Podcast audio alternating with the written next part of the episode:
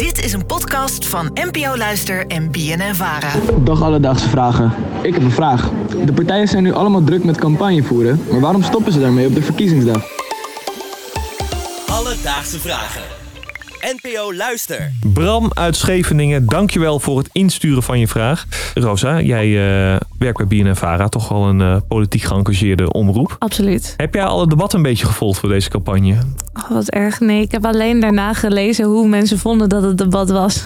Wel een beetje gevolgd dus. Zeker een beetje gevolgd. Ja. Jij? Eh, ik heb er een paar gekeken, of geluisterd moet ik zeggen, op Mhm. Radio 1. Ja, niet alles gevolgd. Nee, ik krijg altijd een beetje ook de kriebels van een debat. Want?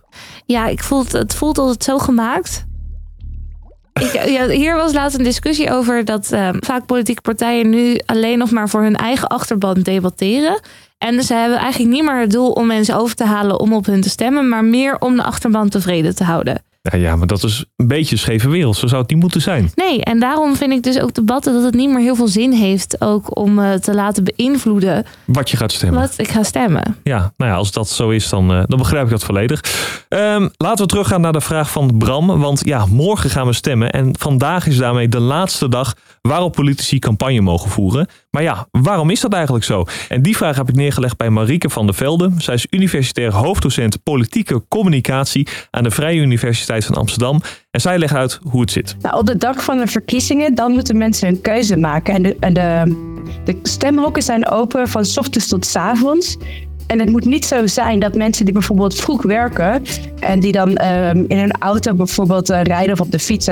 koptelefoon op hebben... die dan nog informatie horen die mensen die 's ochtends hebben gestemd niet horen. Dus eh, om die beïnvloeding eigenlijk op de dag van de verkiezingen niet meer plaats te laten vinden... zeggen we op de dag van de verkiezing kan er geen campagne meer gevoerd worden. Om het eerlijk te houden dus. Ja, ja, zo, ja, ja, om het eerlijk te houden. Dat klinkt eigenlijk heel logisch, vind ik. Ja, zo eh, krijgt iedereen dezelfde informatie. Tenminste, als je je inleest. Ja, het is geen, eh, geen gekke reden om het, om het zo te regelen. Ehm, ook vroeg ik nog aan Marieke of dit nou een gentleman's agreement is tussen de partijen of echt een wet. Eh, maar het is dus echt vastgelegd in de kieswet dat er geen campagne gevoerd mag worden op de verkiezingsdag. Ja, omdat die verkiezingen helemaal vrij en eerlijk moeten zijn, wat wij net ook al zeiden. Volgende vraag is dan natuurlijk wel, hoeveel zin heeft dit? Want weten mensen al niet lang van tevoren eh, wat ze gaan stemmen in plaats van op de verkiezingsdag? Daar is al heel wat onderzoek naar gedaan, volgens Marieke. We, we weten dat mensen pas in de laatste fase van de campagneperiode hun stem gaan eh, vaststellen. Dus dat ze dan gaan beslissen, oké, hier stem ik voor. En sommige mensen die hebben eigenlijk zoveel twijfel, die beslissen pas in het stemhokje. Eh, en je kan je voorstellen, hoe meer eh, fragmentatie is, hoe meer politieke partijen, hoe groter die twijfel ook steeds wordt. Maar als deze mensen, als die groep groeit, ja, dan is de beïnvloeding op die laatste dag, vindt dat dus nog plaats.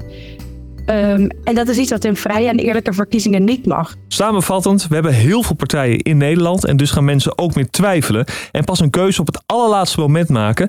Dus in dat geval, goed dat die regel er is. Nou, absoluut. Ik ga ook pas denk ik kiezen in het stemhokje. Echt waar? Ik ben er nog niet over uit.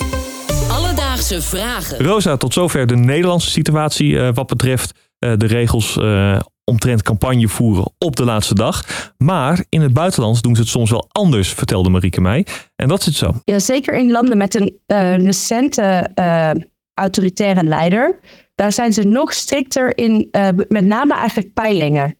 Dus die zeggen ze, want peilingen, daar weten we van. En zeker niet de, de droge peilingen, maar de interpretatie van peilingen. Daar weten we van dat die mensen stemkeuze beïnvloeden. Dus in sommige landen mag het dan ook niet. Tot een, een week van tevoren mag je niet meer peilen. Ergens ook een goed punt. Want ik laat me ook enorm leiden door peilingen. Echt waar? Ja, want als ik denk van, oh, een partij waar ik tussen twijfel, die gaat meer zetels halen. Dan ben ik ook meer geneigd om op een grotere partij te stemmen. Omdat ik denk dat die meer invloed hebben. Ik heb altijd geleerd dat je nooit tactisch moet stemmen. Nee, dat Maar is altijd ook stemmen zo. wat je hart zegt. Mooi. Ja, mooi. Dat is ook een mooie boodschap nu voor iedereen. Zo Stem puur. vanuit je hart. Stem vanuit je hart.